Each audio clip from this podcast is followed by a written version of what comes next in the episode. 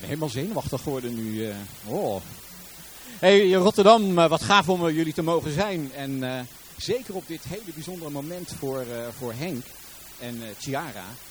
Toen wij vijf jaar geleden in CLC Den Haag kwamen, hebben we vrij snel daarna zijn we toen naar de Welkom Thuis gegaan. En raad eens wie daar de Welkom Thuis runde.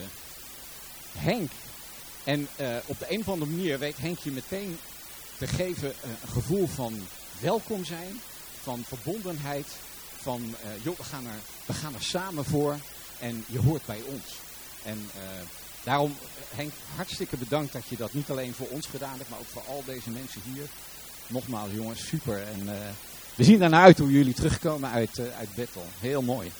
Mooi om dat mee te mogen maken. En je zei ook een paar dingen die in mijn eh, verhaal wat ik nu ga houden eh, ook terugkomen. Dus eh, bedankt alvast voor het, voor het voorzetje. Hey, ik, ik wil het hebben, de titel van mijn verhaal is Relax en Refocus. Om de een of andere reden moet dat altijd in het Engels. Hè? Ja, dat past ook beter op Twitter en zo, dus nou vooruit maar. Ehm, maar relax en refocus, dat zijn eigenlijk twee woorden die, ehm, die iets met mij doen. Eigenlijk, eigenlijk zijn er twee perioden per jaar zo'n beetje waar ik daar ehm, extra aandacht aan besteed. De eerste keer is eh, rond kerst en oud en nieuw. En volgens mij doen heel veel mensen dat. Hè. Dan ga je even stilstaan, even tot rust komen en eens nadenken over waar ben ik nou eigenlijk mee bezig? Waar hou ik me zo, maak ik me zo druk om? En, eh, en is dat eigenlijk wel het leuke en het goede wat ik, eh, wat ik doe? En eh, heel veel mensen komen dan op het idee om goede voornemens eh, te hebben. Wie, wie van jullie heeft wel eens goede voornemens?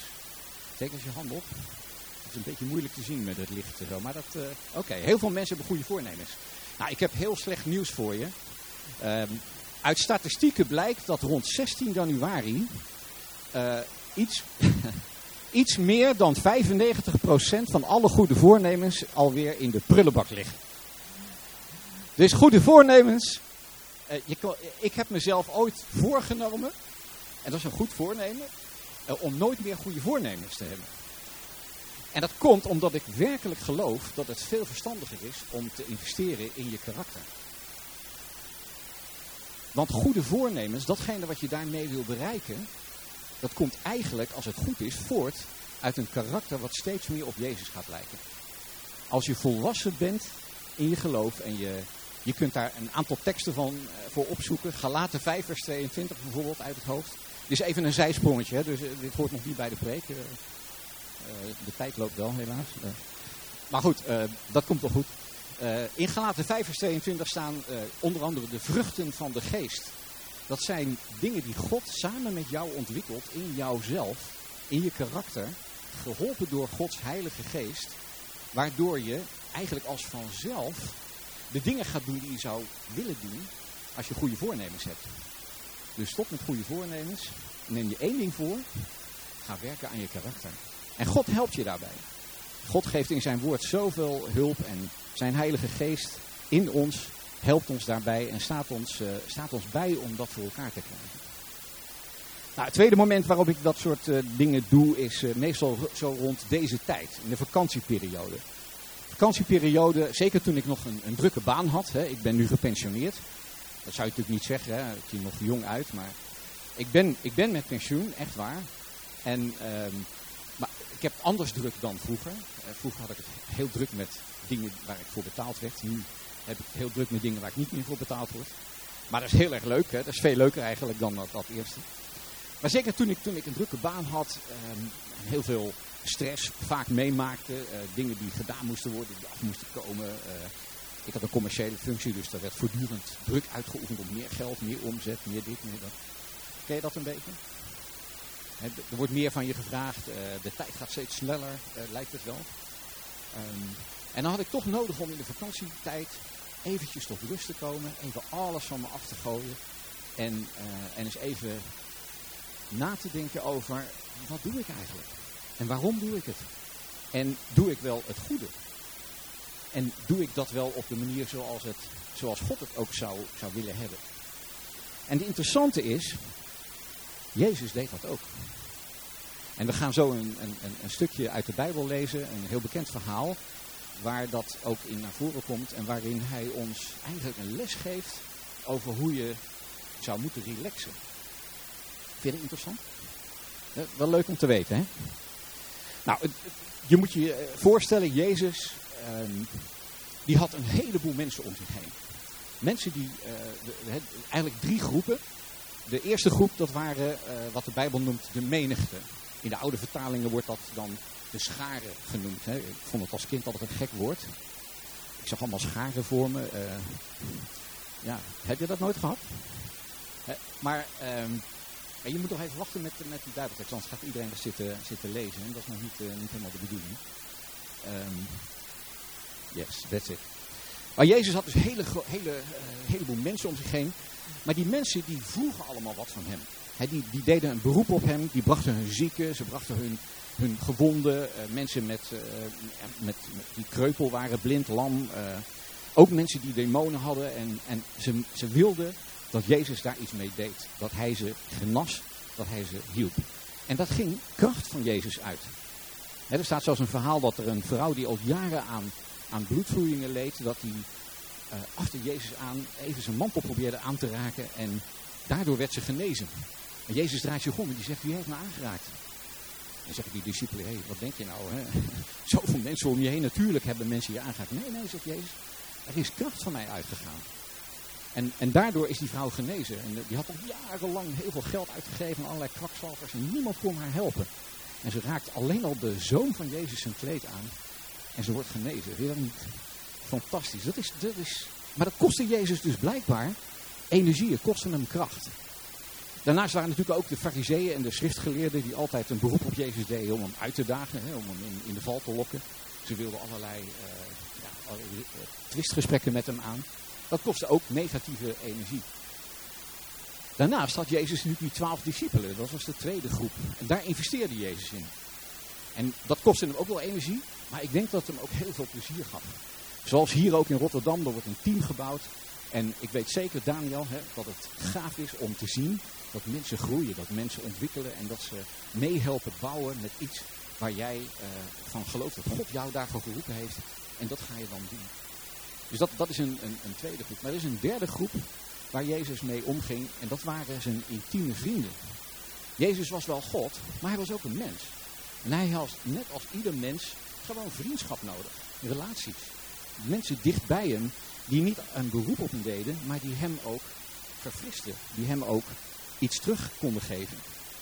En uh, drie mensen, dat waren Petrus, Johannes en Jacobus. Hè, dat waren de drie van zijn discipelen waar hij het meest intiem mee was.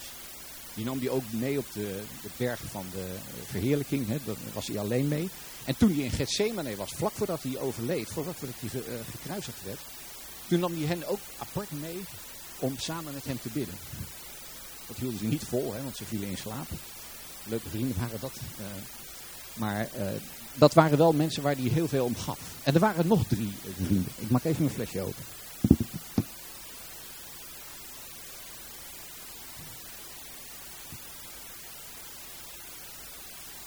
water. Hm, lekker.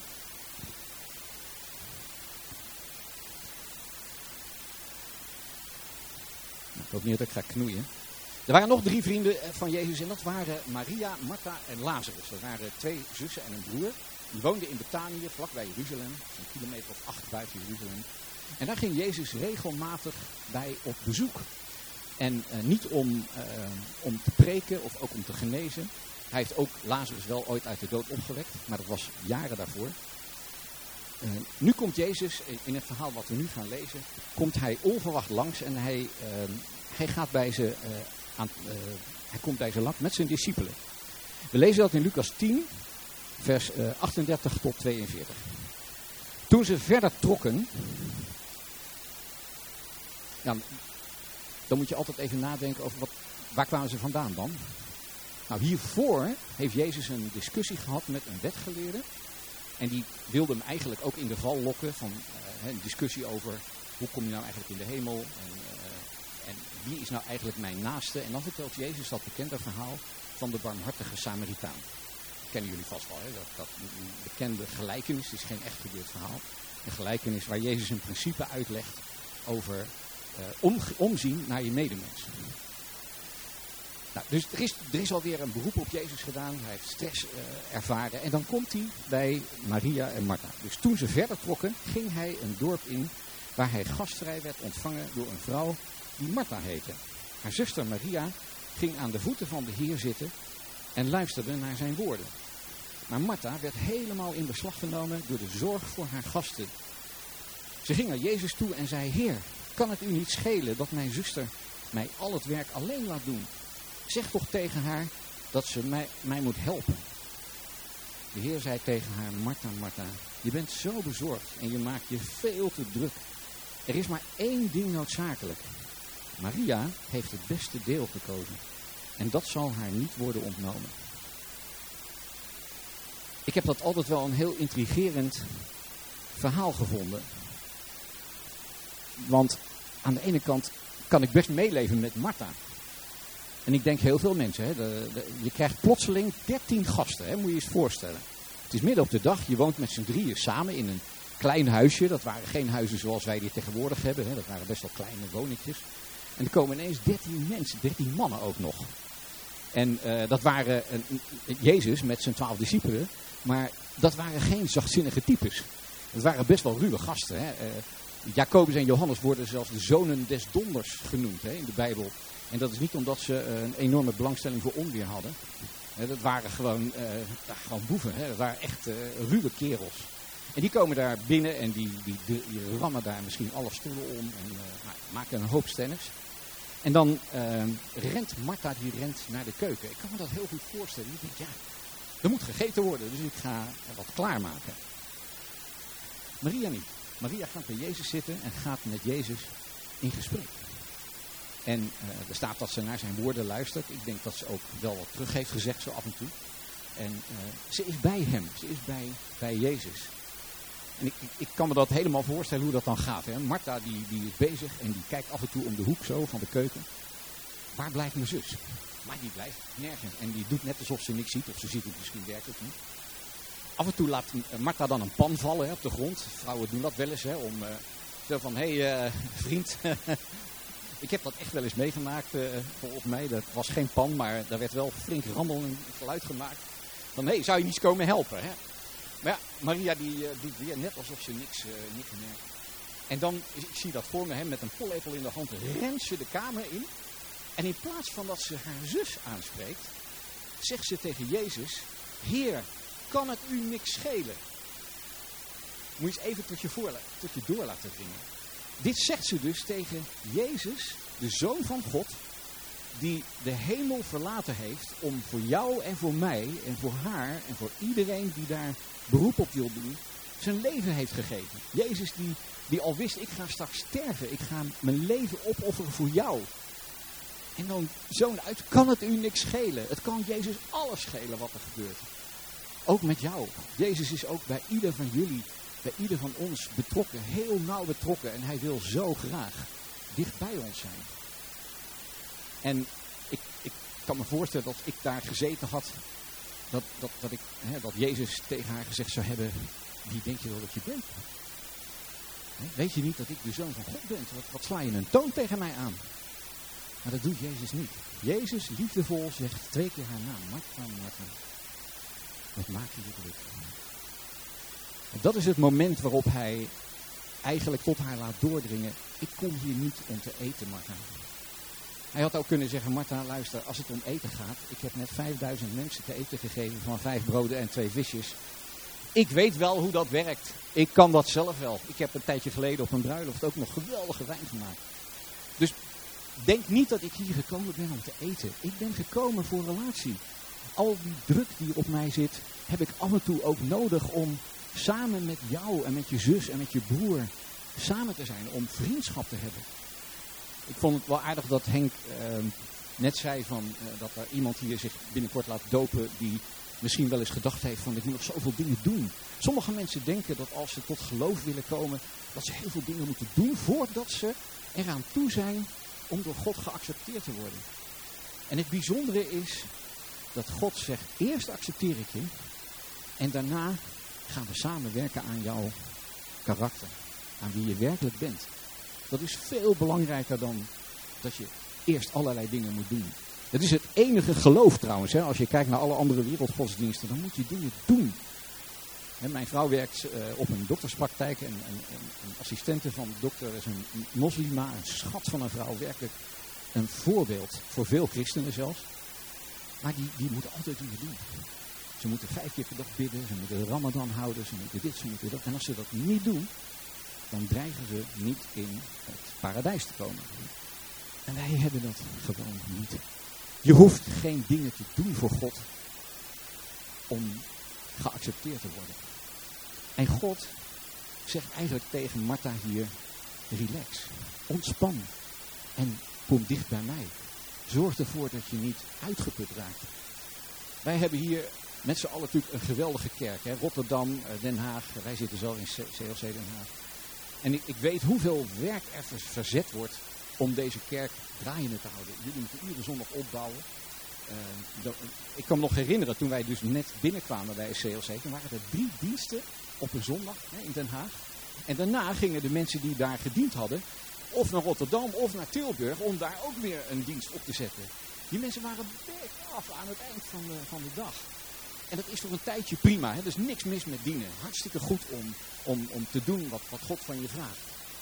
Maar het is ook gevaarlijk. Het kan, het kan leiden tot een soort wettisch gedrag waarbij je alleen nog maar aan het werken bent. En God heeft ons niet geroepen om werknemers te zijn, maar om medewerkers in zijn familiebedrijf.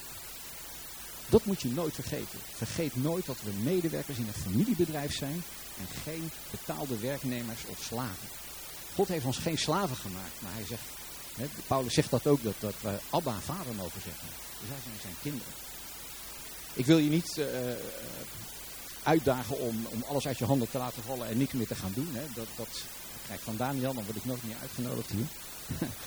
maar het is wel goed om, om, om eens na te denken over wat doe je eigenlijk allemaal. Jezus zegt tegen Martha, uh, één ding is eigenlijk maar belangrijk. En, uh, en Maria heeft het, het, beste deel gekozen.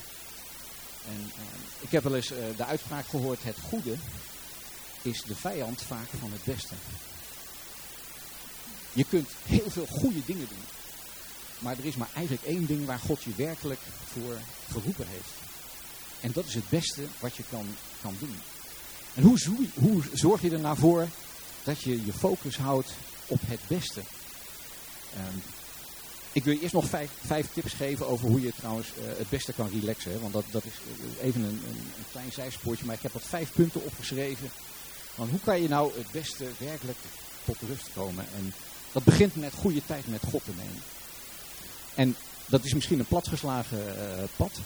Maar ik zou je willen aanraden, ga eens, zeker in deze vakantieperiode, neem een, een, een paar weken de tijd om op een andere manier met God samen te zijn.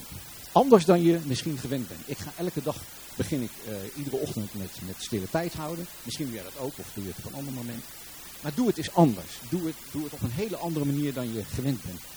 En uh, vraag eens aan anderen hoe zij het doen en probeer dat eens van je over te nemen. Zodat je iets anders tegen God aankijkt. Ik ben de laatste tijd heel erg bezig met uh, geloof en wetenschap. Dat is een onderwerp wat me enorm fascineert. Ik, kijk naar christenen die, die, uh, die ook nog kosmoloog zijn of astrofysicus en die, die hele mooie dingen kunnen vertellen over hoe de wetenschap en het geloof heel goed samengaan. En elkaar zelfs versterken. En in plaats van wat de wereld je vaak doet geloven dat ze elkaar tegenspreken. Dat is helemaal niet waar. He, dus, en, en door op die manier met Gods schepping bezig te zijn, kijk ik op een andere manier naar God dan, dan ik doorgaans doe als ik een stukje uit de Bijbel lees. Dus dat, dat is een voorbeeld. Je kunt andere dingen doen. Uh, je kunt gaan zingen, je kan gaan wandelen in het bos of op het strand. Nou, dat is hier een beetje lastig, denk ik. Maar kies een ma manier om, om, om iets anders te gaan doen dan je gewend bent. Doe dat ook eens met je gezin of met je familie, met je kinderen. Zorg ervoor dat je, dat je tijd hebt, quality time, met je kinderen, met je, met je vrouw, met je partner, met de mensen die het dichtst bij je, bij je staan. Een belangrijk ding ook is nummer drie, zorg voor bevredigend werk. En daar kan ik een hele preek over houden, uh, maar dat, dat, dat gaat niet, uh, niet gebeuren. Maar weet je, uh, wat je voor werk ook doet, ik geloof dat God voor ieder van ons iets bedoeld heeft. God heeft voor de, de grondlegging van de wereld al besloten wat jij zou gaan doen. Daar heeft hij je talenten voor gegeven. Daar heb ik het de vorige keer over gehad. Gaven en talenten. En uh, dat is een, een uiting van hoe God jou bedoeld heeft. Als je merkt dat je werk niet bevredigend is, voor sommigen is dat heel lastig omdat je misschien geen mogelijkheden ziet. Maar toch is het goed om eens na te denken of je binnen het werk wat je dan wel doet, of je die dingen kan veranderen waardoor je meer bevrediging haalt uit je werk. Want ik geloof dat God uh, ons werk bedoeld heeft om ons te ontwikkelen. En dat is niet alleen werk in de kerk. Sommige mensen werken in de maatschappij en daarna doen ze alles in de kerk. Dat is ook prima. Maar het werk wat je in de maatschappij doet, dat is ook iets wat, wat God ons geeft. Zoek ontspanning, kies een hobby. Uh, ga dingen doen waar je, waar je lol in hebt.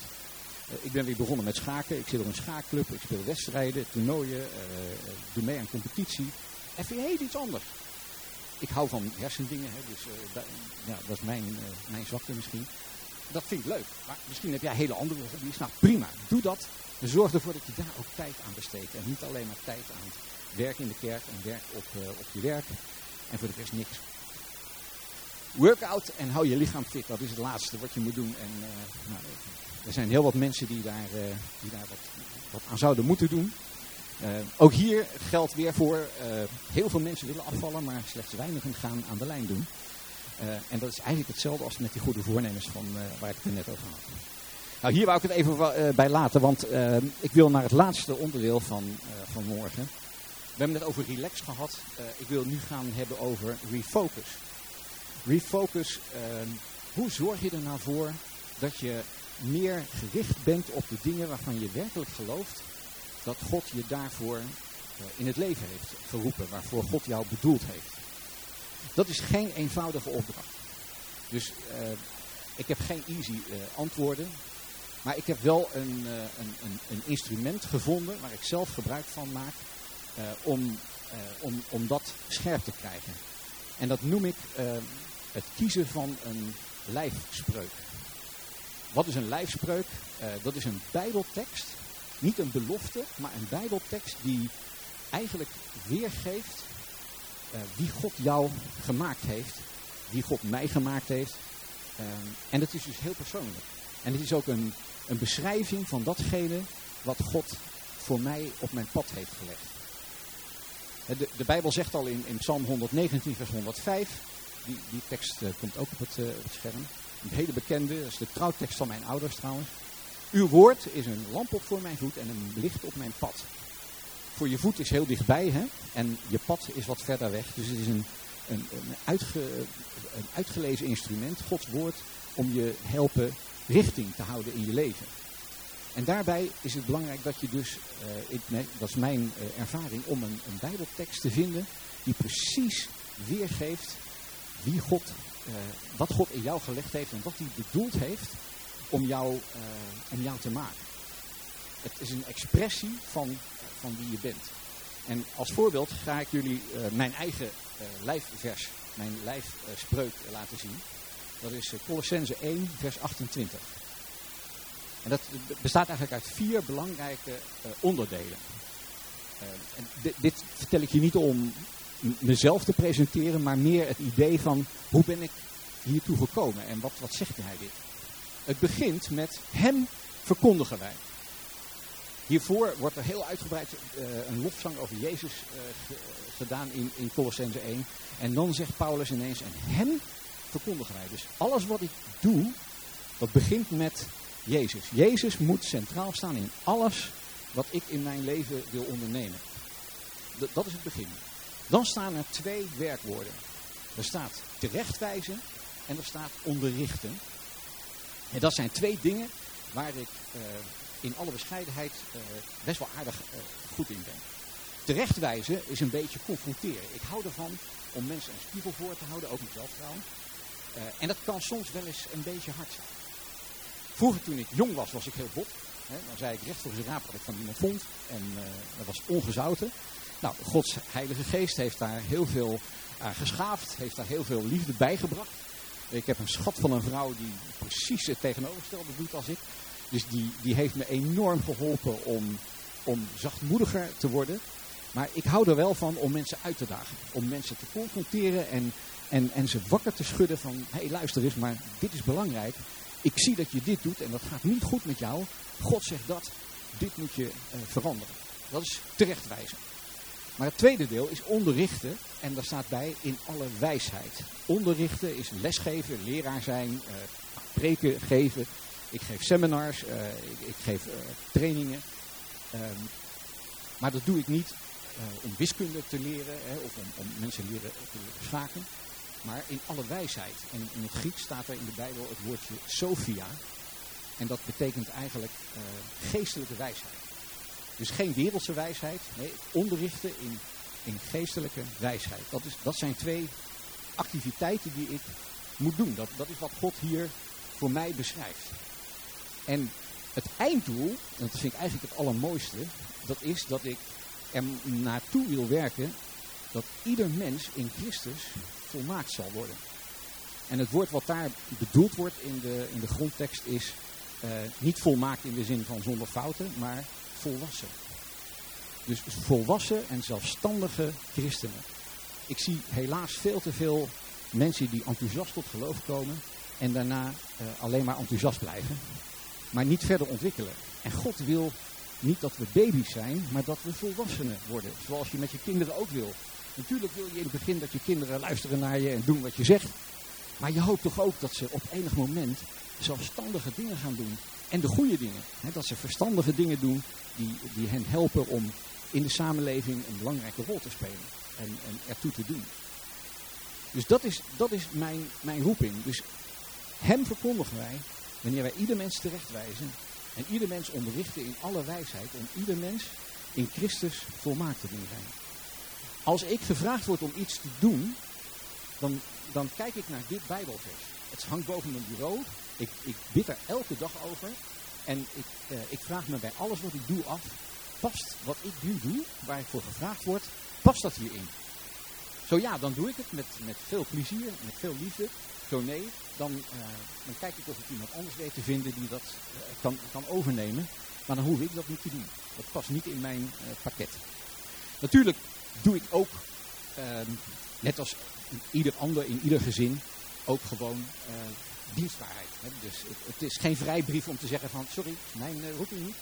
Uh, dus stoelen klaarzetten, sorry, uh, moet een ander maar doen. Opruimen doe ik ook niet, want ja, kijk maar, staat niet in, in, in, dit vers. Zo werkt het natuurlijk niet. Hè. Maar het is een leidraad, het is een, een richtinggever. En ik ben hierop gekomen toen ik bijna zeven jaar geleden heb ik een vrij heftig ongeluk gehad. Met mijn racefiets zonder helm nou, onderuit gegaan. Was niet best. En ik realiseerde me later, toen een neuroloog tegen me zei, je had uh, heel goed dood kunnen zijn. Want de meeste mensen die, die raken de grond zo slecht dat ze, dat ze dat niet overleven. En toen realiseerde ik me, God is dus blijkbaar nog niet met mij klaar. Ik, ik had dus prima naar de hemel gekund. Um, had ik wel jammer gevonden voor mijn uh, gezin. Maar ik was, Paulus zegt ook, het leven is mijn Christus en sterven verdien. Nou, dat vind ik wel heel stoer van hem trouwens. maar uh, ik, ik, ik, had, ik begreep dus dat God blijkbaar nog iets in petto had voor mij. En toen ben ik op zoek gegaan, maar heer, wat is dat dan? Wat wilt u van mij?